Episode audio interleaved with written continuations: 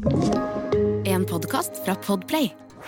David Bowie, geni og stifinner. I didn't strive for success. I strived to do something artistically important. Her er Finn Bjelke. David Bowie ga ut to album i rask rekkefølge på begynnelsen av 2000-tallet.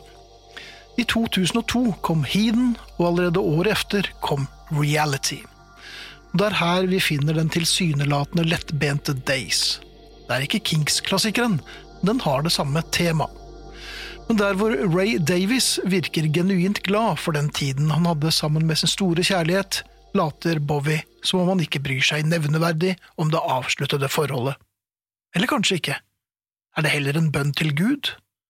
Er det en bønn om å få oppleve alt en gang til? Som vanlig er det vanskelig å knekke koden i David Bowies tekst. Og musikken er avvæpnende enkel og leirbålaktig og hyller oss inn i en ikke helt overbevisende trygghetsfølelse.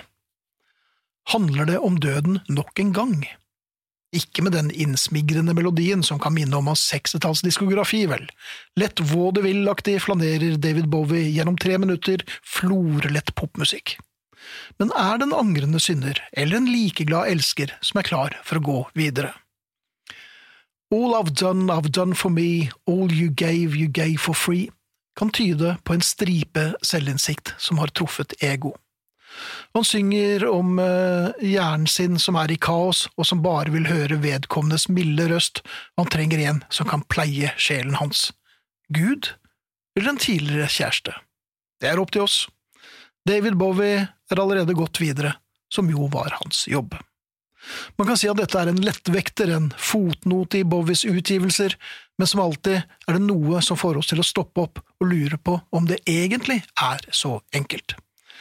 Kjenner jeg David Bowie rett, og det gjør jeg slettes ikke, så er det neppe så enkelt. Det var sjeldent det. Her er han med Days.